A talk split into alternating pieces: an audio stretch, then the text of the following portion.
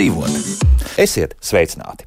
Latvijā zarnu vēzis ir trešā izplatītākā onkoloģiskā slimība. Lai arī iedzīvotājiem vecumā no 50 līdz 74 gadiem reizes divos gados ir pieejams valsts apmaksāts zarnu vēža profilaktiskais tests, un to ir viegli veikt mājās, kopumā atsaucība līdz šim ir bijusi zema. Kāpēc tā? Kas īsti nav līdz galam kārtībā? Par to šodien raidījumā. Mani studijas viesi - stacionāra Latvijas onkoloģijas centra galvenais ārsts, Latvijas ķirurgu asociācijas prezidents Andrēs Čelkins. Sveicināti! Labrīt! Un zarnu vēža pacientu biedrības vadītājs Uldis Vesers. Sveicināti! Labrīt! Attālināti mēs šobrīd esam sazinājušies ar slimību profilakses kontrolas centra ārstniecības pakalpojumu departamenta eksperti Līvu Sēli. Līvu sveicināti! Labrīt! Un tā sākam. Varbūt tomēr Čolkina kungs īsos vārdos. Kas ir zarnu vēzis? Un paskatījos, ka faktiski pasaulē jau apmēram tieši tāpat kā Latvijā, diemžēl, nu, trešais izplatītākais vēzis. Jā, diemžēl šie fakti parāda arī to, ka pasaulē šī saslimstība ir joprojām augstos līmeņos, tad līdzīgi kā Latvijā, apmēram trešajā vietā.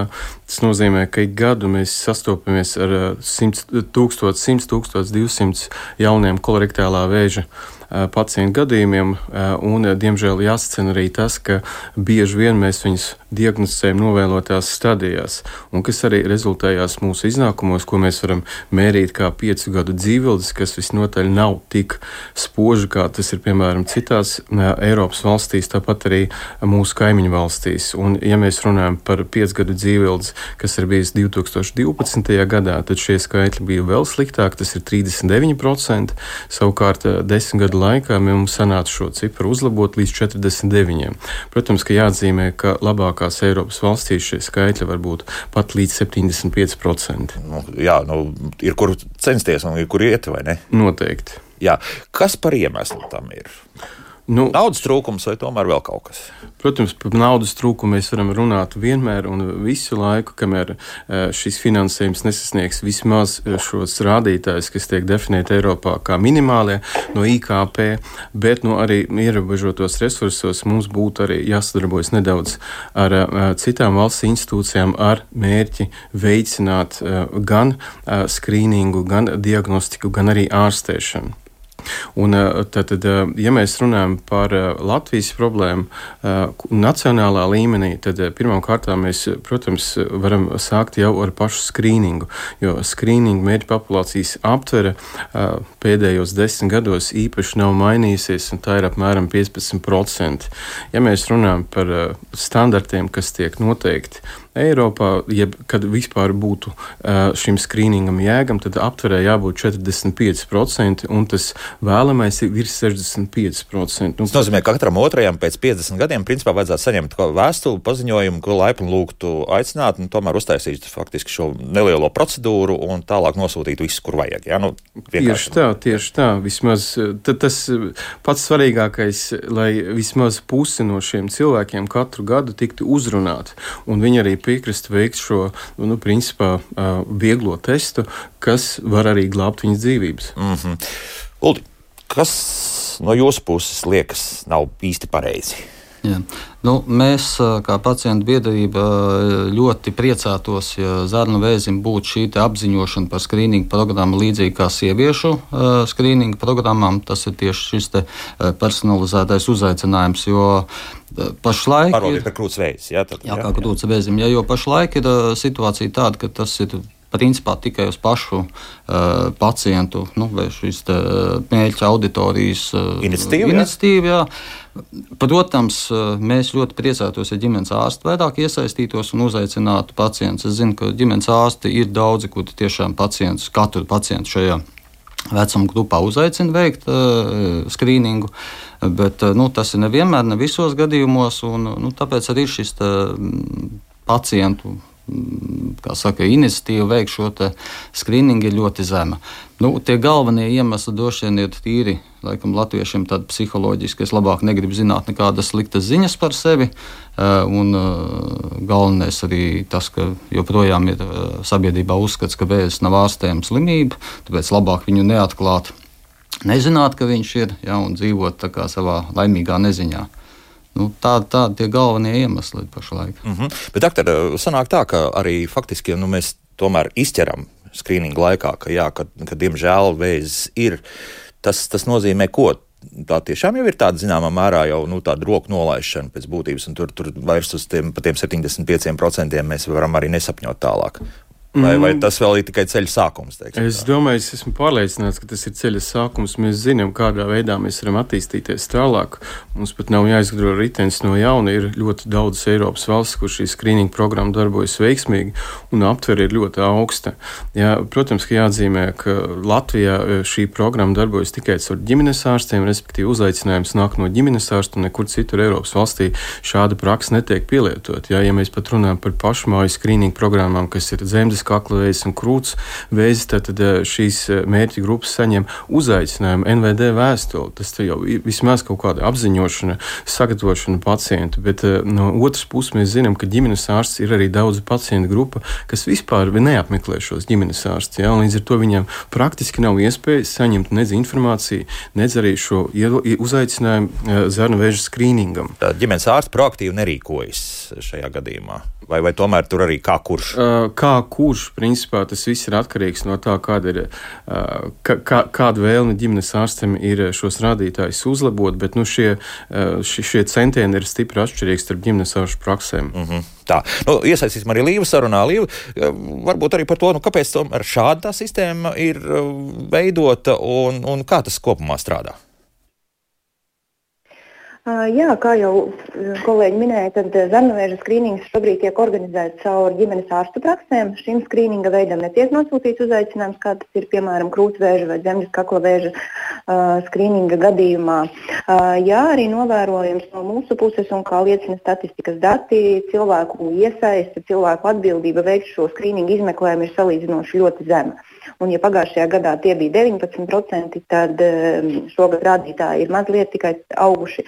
Taču tas rādītājs joprojām ir nepietiekošs, un mēs nevaram salīdzināt atsaucību Latvijā, piemēram, ar rādītājiem varbūt citās Eiropas valstīs, kur šis rādītājs ir krietni lielāks. Vai ir domāts kaut ko mainīt tādā gadījumā? Jauno Nacionālā veselības dienesta periodiski tiek plānoti uzlabot pakalpojumus, lai šo pakalpojumu varbūt vairāk gan popularizētu, gan vairāk informētu gan sabiedrību, gan, gan, gan ārstus, speciālistus, iesaistīt iedzīvotājus. Jā, jo kā jau iepriekš arī izskanēja, varbūt šis iedzīvotāju kūtrums vai delikātā problēma, kas ir šis zarnavēža skrīninga izmeklējums, varbūt neuzrunā tik ļoti iedzīvotājus iesaistīties šajā programmā un profilaktiski laicīgi atklāt, eh, ja varbūt ir kaut kādas izmaiņas vai, vai, vai kaut kādi priekšvēršņi saslimšanai. Mm. Tas nozīmē, tā, ka pēc būtības es aizēju pie ģimenes ārsta un man ir jājautā tomēr. Pēc, pēc, arī pēc šī komplekta un, un tālāk jārīkojas pašam. Tā tam teorētiski nevajadzētu būt. Protams, pacients var arī pats interesēties un jau, jautāt, bet primāri būtu, kad ģimenes ārsts pats piedāvā apzinot savus mērķa grupas pacientus, vienu reizi divos gados šis komplekss būtu iedzīvotājiem jāpiedāvā veikt. Jo tā tad, ja pēc zarnuvēža skrīninga šī Izmeklējuma algoritmā izmeklējums ir paredzēts eh, veikt eh, vienu reizi divu gadu periodā. Tātad, ja pacientam nav sūdzības eh, un nav kaut kādas citas teiksim, aizdomas uz saslimšanu, tad pilnīgi bez sūdzībām katram iedzīvotājam vecumā no 50 līdz 74 gadiem šis izmeklējums profilaktiski būtu jāveic vienu reizi divos gados. Ģimenes ārsts izsniedz šo te testa komplektu. Komplekts ir aizpildāms vai izmeklējums veicams pacientam ērtā vietā, ērtā laikā. Visbiežāk, protams, tas notiek mājas apstākļos, no vienas vēdera izējas. Un tad, attiecīgi, šis te testa komplekts ir jānogādā vai nu atpakaļ ģimenes ārsta praksē, kur tas tālāk tiek sūtīts uz laboratoriju, vai arī jau pats iedzīvotājs to var nogādāt laboratorijā. Tā tad it kā nekāda tāda liela sarežģījuma nav, bet uh, daudz kas ir atkarīgs no ģimenes ārsta un arī no pašas teiksim, pozīcijas, nu, ka es tomēr to izdarīšu un, un, un, un visu izdarīšu līdz galam. Teiksim, tā, ja? Jā, tieši tā. Tātad primārais ir uh, ģimenes ārsts uzrunā pacientu. Un otrs, protams, ir arī pašam pacientam ir jāvēlas veikt šis izmeklējums. Jo bieži vien ir tā, jā, ka ģimenes ārsts pacientam pacientu uzrunā, izstāsta gan par teiksim, iespējamiem kaut kādiem riskiem, gan vienkārši, ka šis ir tikai profilaktisks izmeklējums. Un, ja arī gadījumā kaut kādas izmaiņas šis, šis izmeklējums uzrādīs, tas nenozīmē uzreiz diagnozi, tas nebūtu tā nav. Jā, bet ir jābūt vēlmei no pacienta iesaistīts. Jo bieži vien sanāk tā, ka ģimenes ārsts savu darbu izdara, bet tālāk pacients šo komplektu saņem, bet neveic tomēr. Bet komplekti ir pieejami. Ar to problēmu nav. Jā. Ja, tā Jā, viss ir, viss. ir pieejami. Uh -huh. Lielas paldies! Es teikšu slimību profilakses kontrolas centra ārstniecības pakalpojumu departamenta ekspertei Līvai Sēlei par uh, informāciju. Mēs turpināsim šeit sarunu studijā. Nu tā, nu no vienas puses jau it kā visam vajadzētu strādāt. Jā, nu, drusku jāpārvērt tās bailes ir un, un, un jāaiziet līdz ģimenes ārstam, nu, uzdot to vienu jautājumu, nu, vai iedosiet man to komplektu. Nu, nu, it kā viss notiek. Jā. Un tomēr doktori laikam nē. Ja? Tāpēc tas ir izteiksmes saprot. Jā, es domāju, ka viena no lielākām problēmām arī ir eh, sabiedrības informētība. Ja mēs runājam par sabiedrību kopumā, tad eh, ļoti maz, kur mēs varam saņemt šo informāciju vispār par to, kas ir zarnu vējs, jeb kolorektālais vējs, kādas ir eh, iespējas viņu atklāt agrīni, kāds varētu būt iegūms, ja mēs atklājam to agrīni. Tad, tad nav arī šīs informācijas arī speciālistiem. Jā? Tad, ja mēs runājam par informētību, tad tā jābūt eh, kompleksē. Mums ir vajadzīga visas sabiedrības informētība, tur iespējams vajag piesaistīt arī šos PR menedžerus, jā, vai, vai PR tālu, jā, ka noteikti, kampaņas ir noteikti. Jā. jā, ja mēs skatāmies, paskatāmies, kā tas, piemēram, notiek ar krūts un dzemdes kakla vēzi, jā, mēs varam sastapties gan pieturās, gan vēl citur, gan baneros, jā, gan arī iepriekš arī bijušas reklāmas starp televīzijas kaut kādām pārraidēm. Pareiz, prostas vēzim arī gal galā tomēr jā, tas uzmēnesis jā, pārējais jā, ir. Tas viss notiek, viss notiek, un tas ir, tas, tas ir pats galvenais, ka mēs sākotnēji mēs iepazīstinam visu sabiedrību ar to, kas tas ir. Un kādā veidā tas var ietekmēt jūsu dzīvi, ja jūs, piemēram, jūs saslimstat ar agrīnu zarnu vēzi vai nu arī novēlot. Ja, un tad tās izredzes arī krasi var mainīties. Ja, līdz ar to ir vajadzīga sabiedrības sagatavošana, lai viņiem būtu kaut kāds pamats šīs informācijas, lai viņi uzreiz rastos viņam vēlme kaut kur iet un kaut ko darīt. Ja. Tāpat tās arī speciālistu informētība. Ja, ja mēs uzrunājam un veidam arī, nu, piemēram, um, um, kaut kādos pasākumos arī visu laiku uzrunājam dažādu speciālistu grupas par to, ka tas ir svarīgi. Ja, un ka viņi arī no savas puses sastopoties ar pacientu, var vienmēr pajautāt, vai jūs esat izgājuši šo skrīningu, jums ir 50 gadi, jūs esat riska grupā, vai tas līdz jums ir nonācis. Ja nē, tad atkal, atkārtot viņus uzrunāt, lai viņi to paņemtu no ģimenes ārsta. Bet tagad tas skrīnings nav vispār jāsāk ātrāk, jo tā tomēr ir arī jauna cilvēka, diemžēl, slimība. Jo tur tie gadījumi ir tādi, virs, kuriem pat līdz 50 vēl bija stipri tālu. Pēc būtības jau sen Eiropā runā par to, ka nu, tā vairs nav veco ļaužu slimība. Zārnu vēzis ir daudzi gadījumi, kad cilvēki arī ap 40 gadu vecumu, 30 un pat 20 gadu vecumu saslimst. Protams, tur ir vairāk ģenētiskie faktori nostrādā, bet ne visos gadījumos. Daudzos ir pilnīgi arī nu, nejauši saslimšana.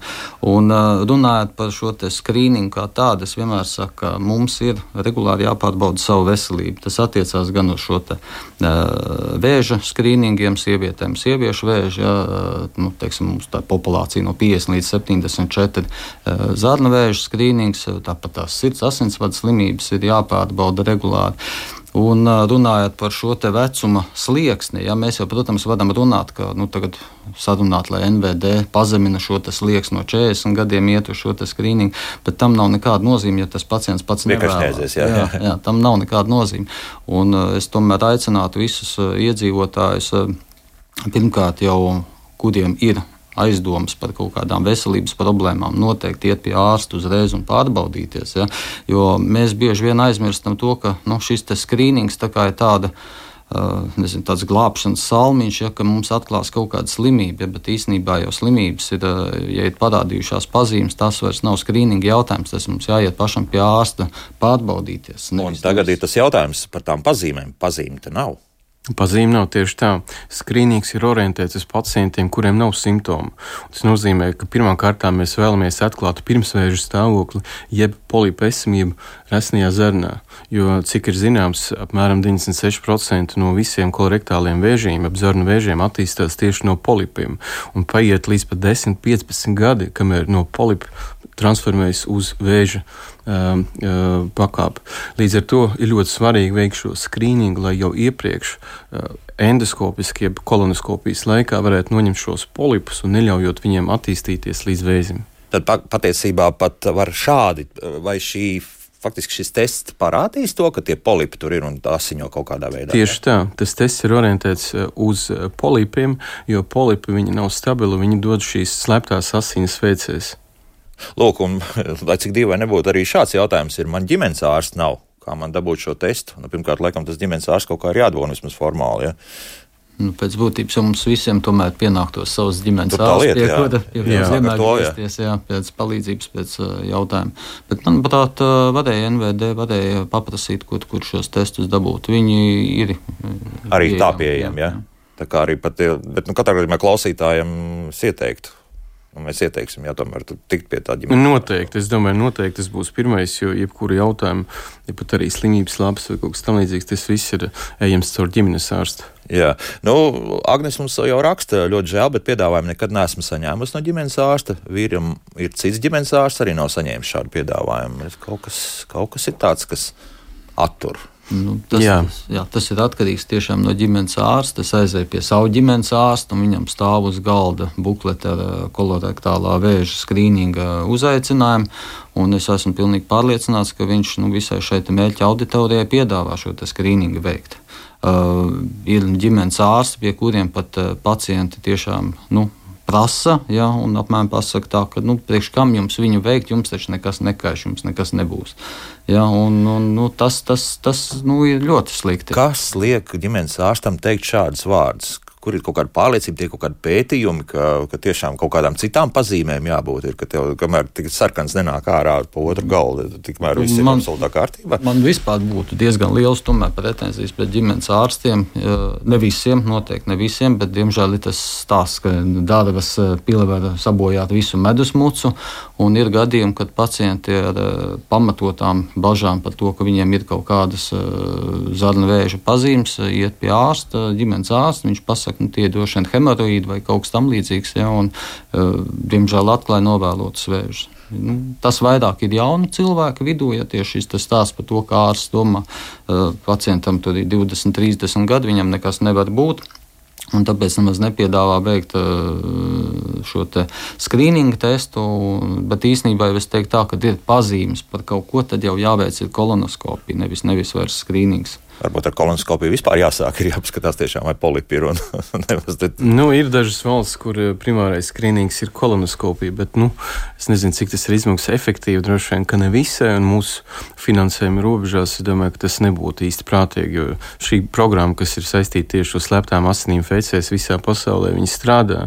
Vienkārši mums ir jāsasniedz šie rādītāji, kas ir rekomendēti vidēji Eiropā 45% aptveri, un uh, tad viņus vajag kāpināt uz augšu noteikti. Šis varētu uzlabot visu problēmu kopumā un samazināt gan saslimstību, gan arī uzlabot piecu gadu dzīvības.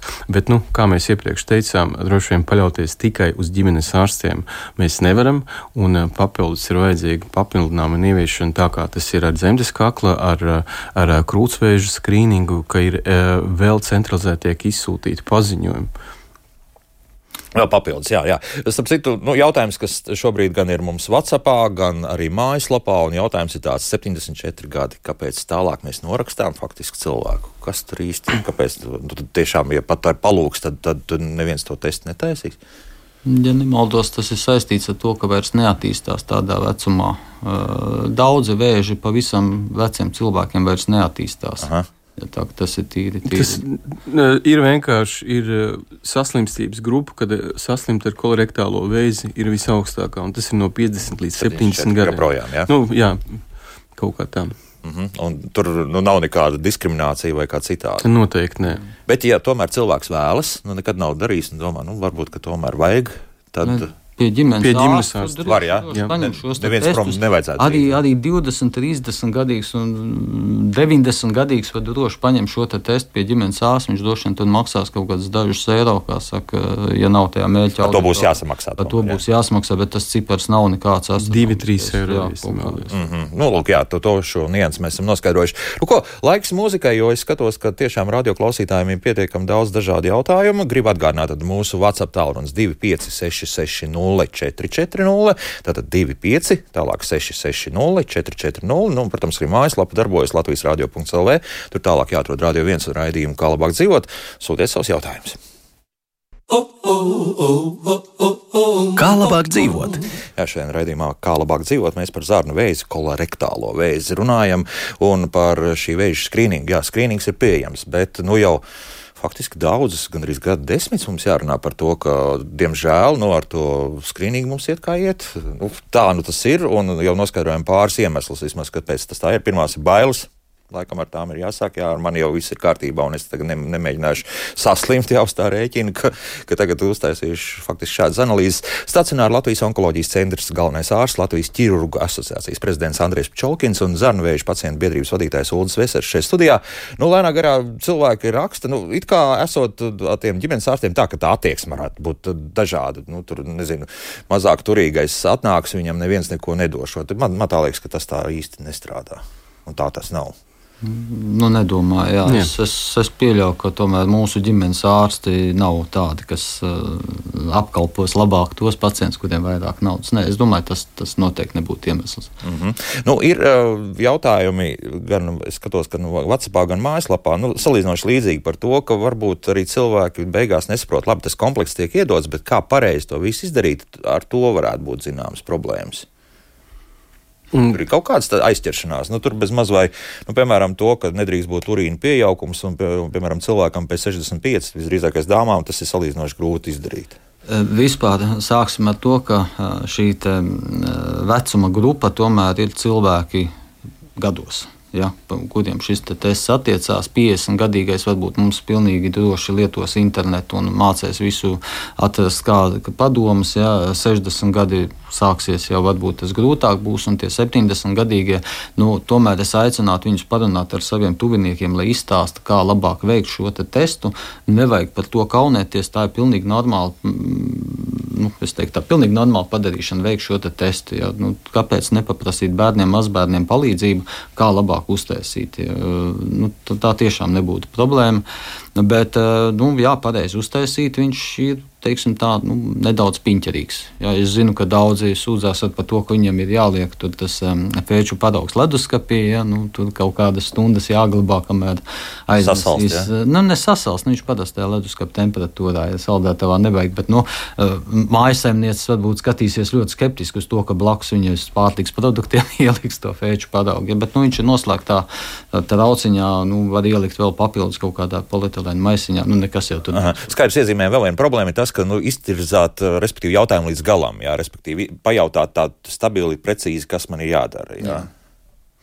Nē, nu, protams, bet tur līdzi arī nāk instrukcija visā ar bildēm, kas, nu, principā lielākajai daļai eh, pacientu, ko mēs arī stacionārā veicām, arī šos testus, eh, citu pētījumu ietvaros, tad eh, problēma īsti nebija. Nu, tādas, nu, iespējams, kādam, kam ir 75 gadi un ir nedaudz jau mentālas problēmas, varbūt tās ar demenci saistītas, tad grūtības uztvert šo informāciju, tad būtu nepieciešama šī palīdzība, bet, nu, lielākoties nevajadzētu būt nekādām problēmām.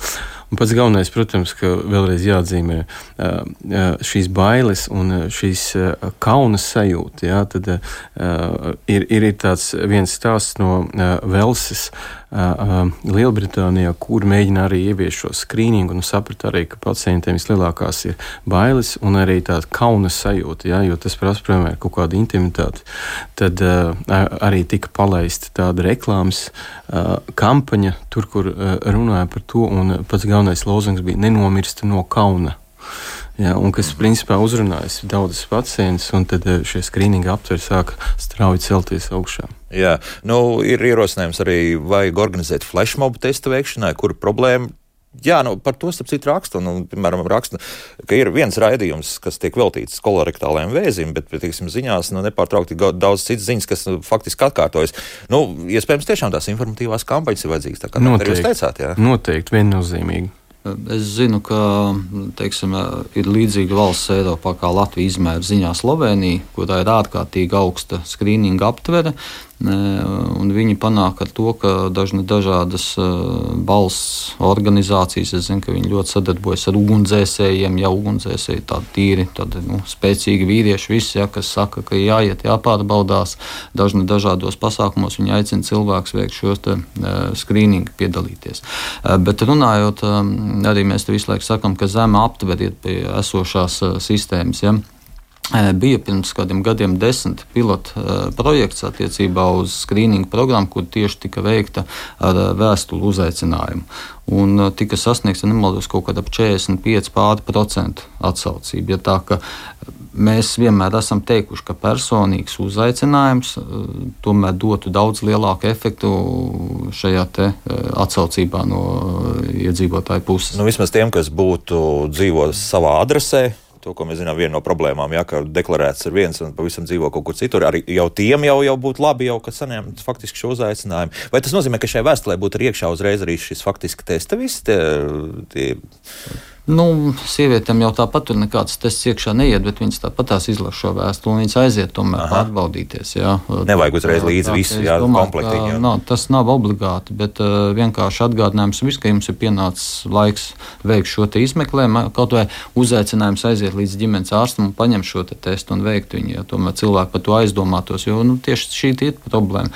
Pie ģimenes ārsta mēs izlasām statistiku, ja, ka pēdējo 3-5 gadu laikā izrādās gandrīz pusi iedzīvotāji nav nemaz aizgājuši līdz ģimenes ārstam. Nu, tas gan jā, tā ir joprojām atgriežamies pie tā, jā, ka... ka tā nav tikai zarnu vēža skrīninga problēma, bet tā ir visas no sabiedrības veselības problēma. Mm -hmm. nu, arī jautājums, un visdažādākie jautājumi šobrīd mums gan mājaslapā, nu, piemēram, Vācijā mums jautā šādi, vai pēc dzemdībām kaut kas mainās sievietēm, vai tur palielinās riski, vai vēl kaut kas tam līdzīgs varbūt. Nē, tas tiek, netiek uztverts, ka riska faktors. Protams, ja ir kaut kāda slimība attīstījusies grūtniecības laikā, ja tā ir onkoloģija, tad viņi daudz straujāk var attīstīties vēlāk, jo uh, grūtniecības imunitātes imūnsistēma uz to brīdi ir daudz novājinātāka. Bet, kad, kad ir piedzimtais bērniņš, nevienam nav augstāks risks nekā tas ir kopējai populācijā. Jo tur, nu, tur ir arī mums paskaidro, ka jā, tur ar to vēdera izēt kaut kas ir mainījies. Līdz ar to varbūt nu, ir pastāv bažas, ka kaut kas arī tajā jomā varētu būt lielāka. Nezinu predispozīcija pret kaut ko nav. Jā. Tur nav tādas saistības noteikti. Nu, tik tālu ir labi. Jā. Ja nav skaidra etioloģija, kā notiek ārstēšana? Tā mums tas pats Jānis jautā. Ja nav skaidra etioloģija, kā, kā notiek ārstēšana, nu, ārstēšana ir nedaudz vienkāršāk nekā noskaidrot etioloģiju. Ja mēs runājam par agrīnām stadijām, tā ir pirmā, otrā, trešā stadija, tad eh, zelta metode uh, ir uh, ķirurģija, un, uh, ja tā ir trešā stadija, papildus mums nāk vēl arī adjuvanta vai staru vai ķīmijterapija. Savukārt, ja tā ir ceturtā stadija, tad pārsvarā tā ir sistēmiska terapija kombinācijā ar ķirurģiju. Tā kā mēs zinām pirmo, otro stadiju izārstēšanas iespējas ir ļoti augstas pēc veiksmīgas operācijas, un varētu pateikt, ka apmēram 9 no 10 pacientiem dzīvos, un viņi tiks izārstēti no šīs saslimšanas. Savukārt, ja tas tiek konstatēts jau ielaistās stadijās, 3. un 4. tad tā izdzīvošana samazinās līdz pat 4%. 4. Jā. Tā tad ļoti svarīgi faktiski tā, tās pirmās. Nu, tas ir noteikti. esenciāli noteikti. Mm -hmm. Dzīves kvalitāte pēc operācijas dzīves kvalitāte pēc operācijas eh, visnotaļ ir saistīta ar uh, kādu anatomisko reģionu skārus šī slimība. Tātad, ja mēs runājam par um, resno zarnu, kas nozīmē tad, tad labā puse, šķērzarna vai kreisā puse, esveida zarna, tad dzīves kvalitāte praktiski nav mainīga. Viņa ir tāda pati, un citreiz labi varbūt eh, nedaudz biežāk vēda arī izē, jā, varbūt tās pēc operācijas auguma izveidoties, bet eh, lielākā problēma tad, kad šis audzējs skar tieši taisnās zarnas apakšējo daļu, kad bieži vien nepieciešama arī ir pirms operācijas ķīmijas steroterapija, operācija un pēc tam vēl papildus ķīmija terapija. Tad pēc šīm operācijām pie taisnās zarnas zemes lokalizācijas vēžiem var attīstīties dažādas problēmas, kā seksuālā disfunkcija, vīriešiem tas visbiežāk skar, tad saturēšana, gan urīna saturēšana, gan arī fēču saturēšana. Jā, nu, protams, ka kaut kādai pacientu daļai, kad mēs nevaram, nu, pēc kāda iemesla, vai tas būtu pacientu veselības stāvoklis vai lokalizācija tieši skar ārējo sfinkteru, tad mums nāks, nāks izveidot terminālu kolostomu, jeb tā tautā saucot, izvedot maisiņu uz vēdera. Ja? Un, protams, tas var ietekmēt pacienta dzīves kvalitāti. Nu, un pie arī savienojumiem zemiem var attīstīties arī tā saucamais slārs sindroms, kad pacientiem ir, nu, principā, vajag būt draugos ar toaletu burtiski visu laiku. Viņi lielpilsētās ejot, uh, ejot kaut kur uz veikalu.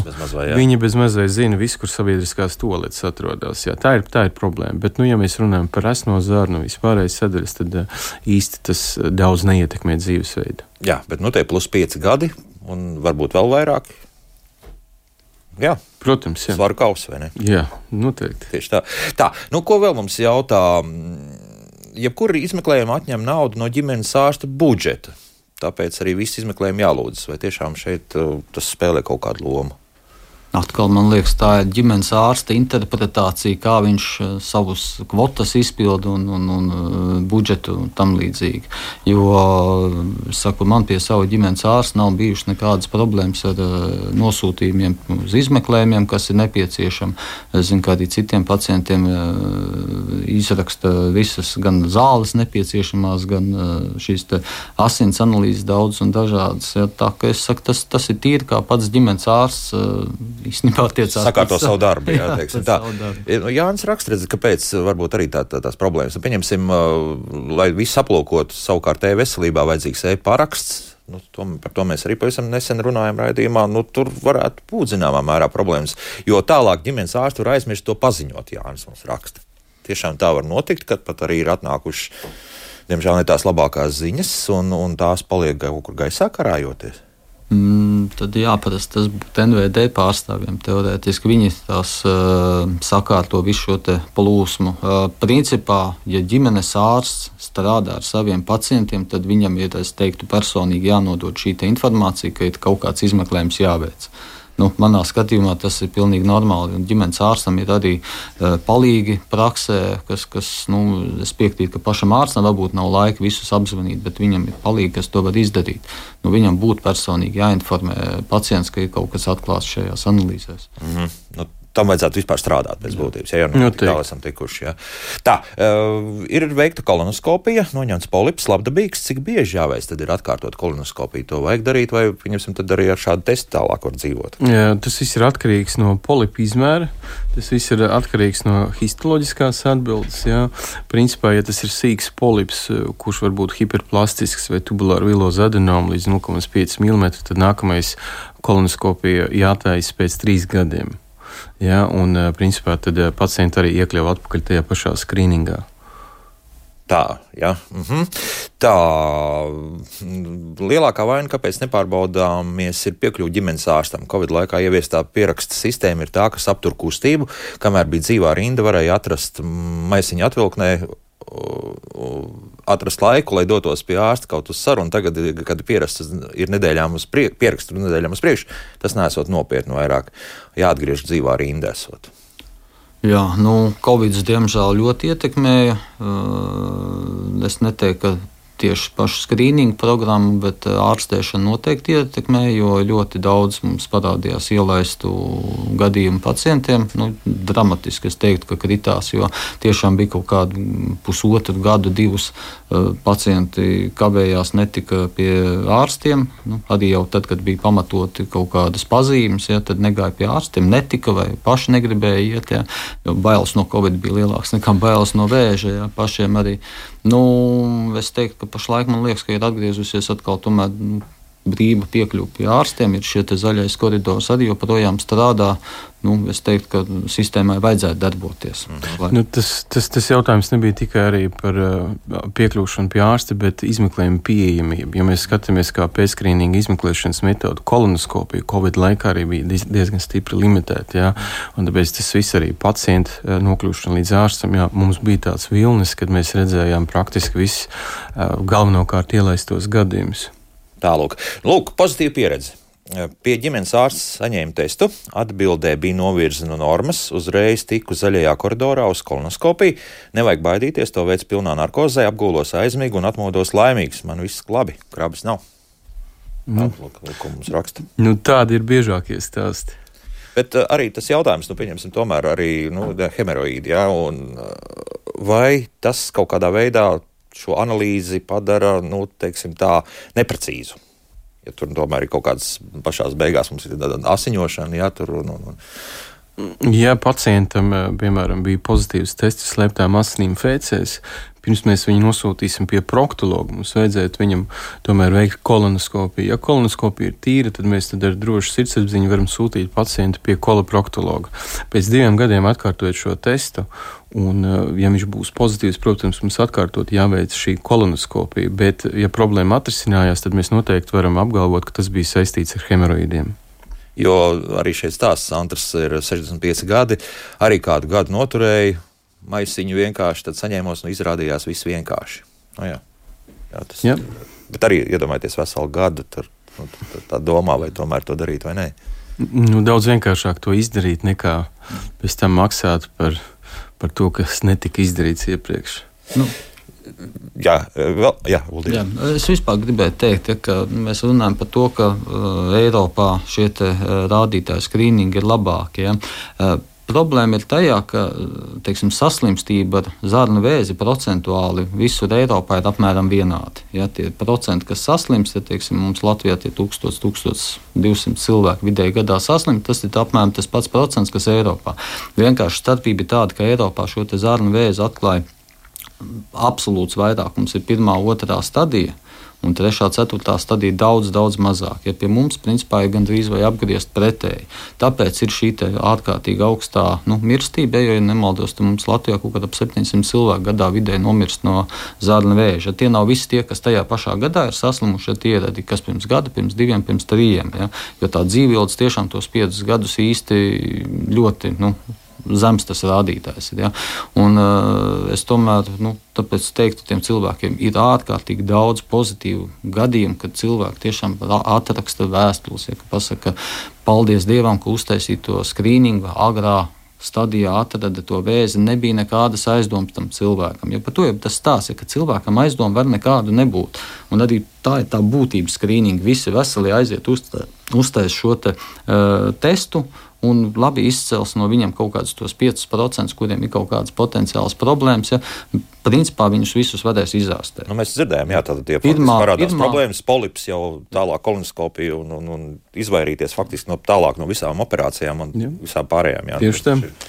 Tas ir milzīgi Milzīgs, jā, jā. Tas ir arī izmaksu efektivitāte. Ja mēs salīdzinām, cik maksā valstī ārstēt pacientu ar pirmās, otrās stadijas vēzi vai no ceturtās stadijas, tās summas var būt desmit, simtkārtīgi atšķirīgas. Nu, kas vēl, vēl kas ir vairāk. Vēl iedragā budžetu. Jā, jā, jā, jā.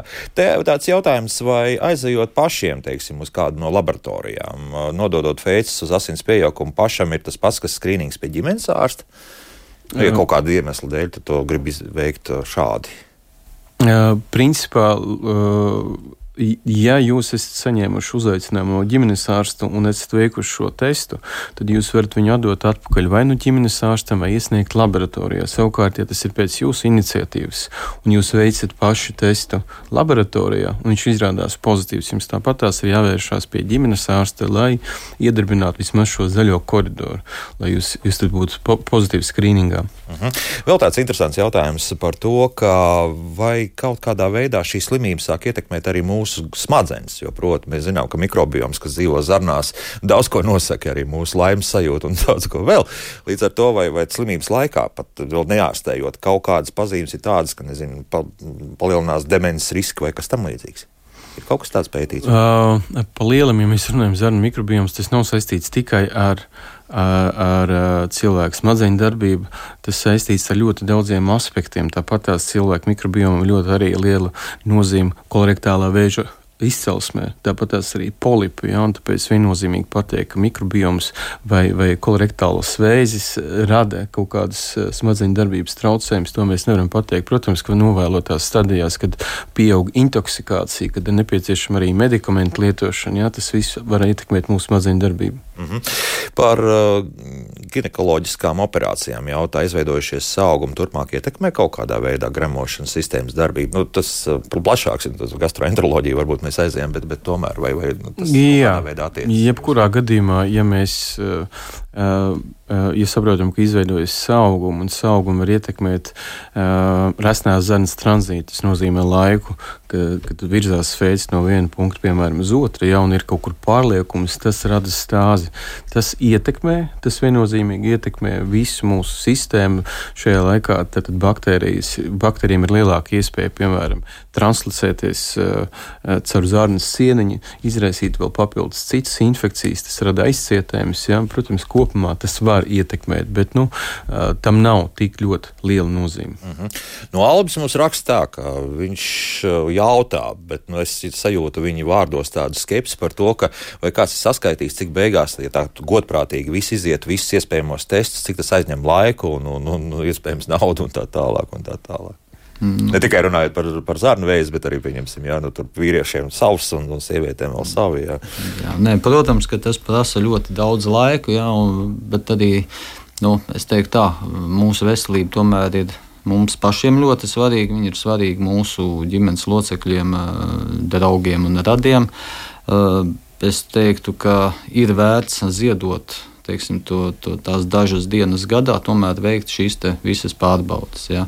Runājot par to pašu zarnu vēža skrīningu, ja, protams, ka mēs ārsti saka un NVD aicina to reizi divos gados veikt. Ja. Es teiktu tā, ja katrs Latvijas iedzīvotājs veiktu viņu kaut vai trijos, četros gados, kas saka, mēs būtu vispār laimīgi. Jā, tad to būtu pilnīgi pietiekami. Pat ne reizes divos, bet reizes četros. Jā, bet jā. lai visi veic. Jā. Tā, tā būtība ir tāda, lai visi veic. Visi maksimāli daudzums cilvēku, lai veic šo pārbaudi. Jā, un, uh, tas, tas ir tas svarīgākais. Jā.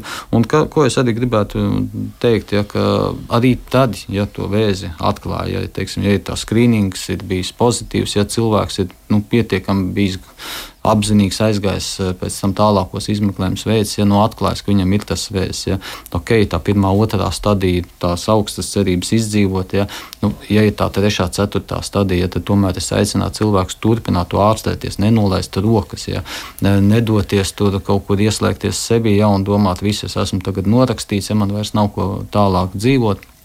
Um, Kāpēc mēs runājam par šo piecu gadu dzīvību? Ja? Īstenībā cilvēks nodzīvos piecus gadus, viņš var dot ārkārtīgi daudz pienesumu uh, savai ģimenei.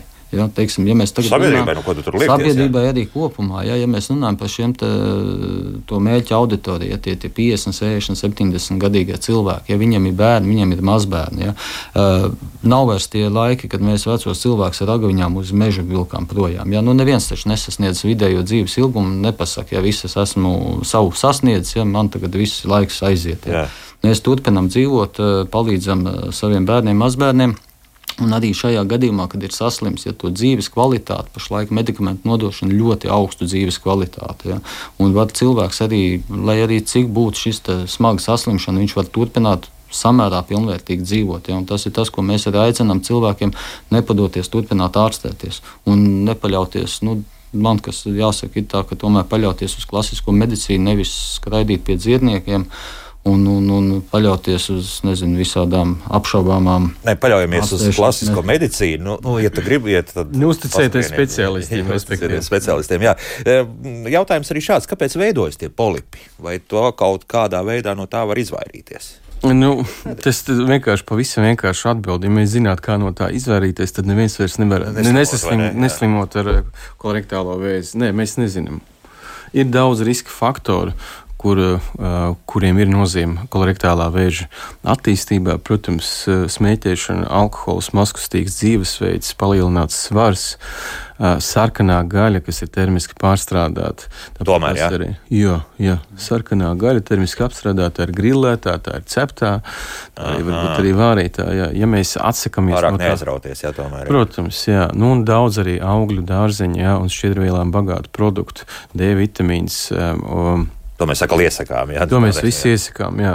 Tas ir, tas, tas ir tas, ko mēs zinām, apmēram, kas var veicināt vai arī samazināt šo risku uz eh, kolorektālā vēža attīstību. Jā. Ja mēs visu to ievērojam, protams, arī tad nav garantijas, ka šīs vēzis jums neattīstīsies. Līdz ar to ir jāseko skrīningam, ir jāveic šie skrīninga izmeklējumi. Ja viņi izrādās pozitīvi, arī jāturpina viss šis ceļš, jā, jo jūsu izredzes ar jūsu aktīvo dalību būs noteikti daudz lielāks nekā jūs vienkārši numtīsiet rokas.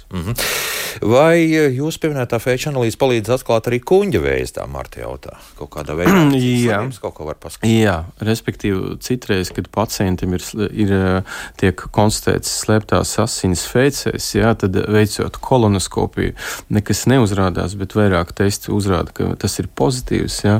Bieži vien veids arī uh, augšējo endoskopiju, jeb gastroskopiju, jeb kobru, tā saukto tautā, lai, iz, lai izslēgtu arī asiņošanu no kuņģa. Jā, un bieži vien arī šie izmeklējumi parāda arī kuģa vēzi. Jo principā tas jau ir tas viens tas pats kuģa zem traks, un uh, vēzis kuģa arī tikpat labi var dot slēpto asiņošanu. Tālūk, Mm, vai varētu būt tā, ka mūsu valstī zarnu vēža konstatēšanai izmanto neprecīzākus testus nekā tas būtu, teiksim, Rietumē Eiropā? Nu, daudz un dažādi ir tie testi, ko pasaulē izmanto. Nu, Latvijā laikam nav tas viss vislabākais, bet pašlaik ir labāk nekā pirms desmit gadiem. Pirms desmit gadiem bija ļoti neprecīzi, kur paši ārsti viņu nespēja īsti nolasīt pareizi. Ja? Nu, pašreizēji ir krietni labāki. Bet... Jā, es, es varbūt tās pieminēšu arī uh, kolēģi no Igaunijas, kas arī nedaudz uzlabojuši savus rezultātus kolorektālā vēzī. Runājot par testa kvalitāti, kurš ir labāks, tad uh, viennozīmīgi atbild bija labākais tests ir tas, kurš tika veikts. Nu, Lūk, vienkārši. Ja. Pie šiem vārdiem arī beidzam. Jo vēl pāris jautājumu mums ir kā palika, bet arī laiks mums ir beidzies. Es domāju, nu, aicinām vēlreiz radioklausītājs vispār.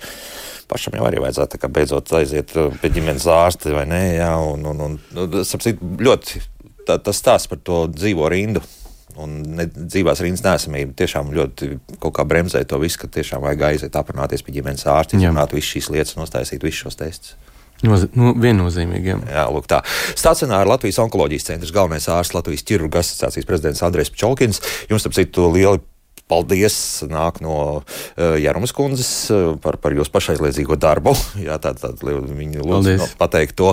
Un uh, Zarnu vēža pacientu biedrības vadītājs Ulris Vesers bija kopā ar mums. Paldies par sarunu, kungi. Tad rīt Latviešu valodas stunda, jā, nu par gada vārdiem, nevārdiem arī nedaudz, protams, runāsim rīt raidījumā. Un ne tikai to atbildēsim uz daudziem klausītāju jautājumiem, kur noteikti arī būs.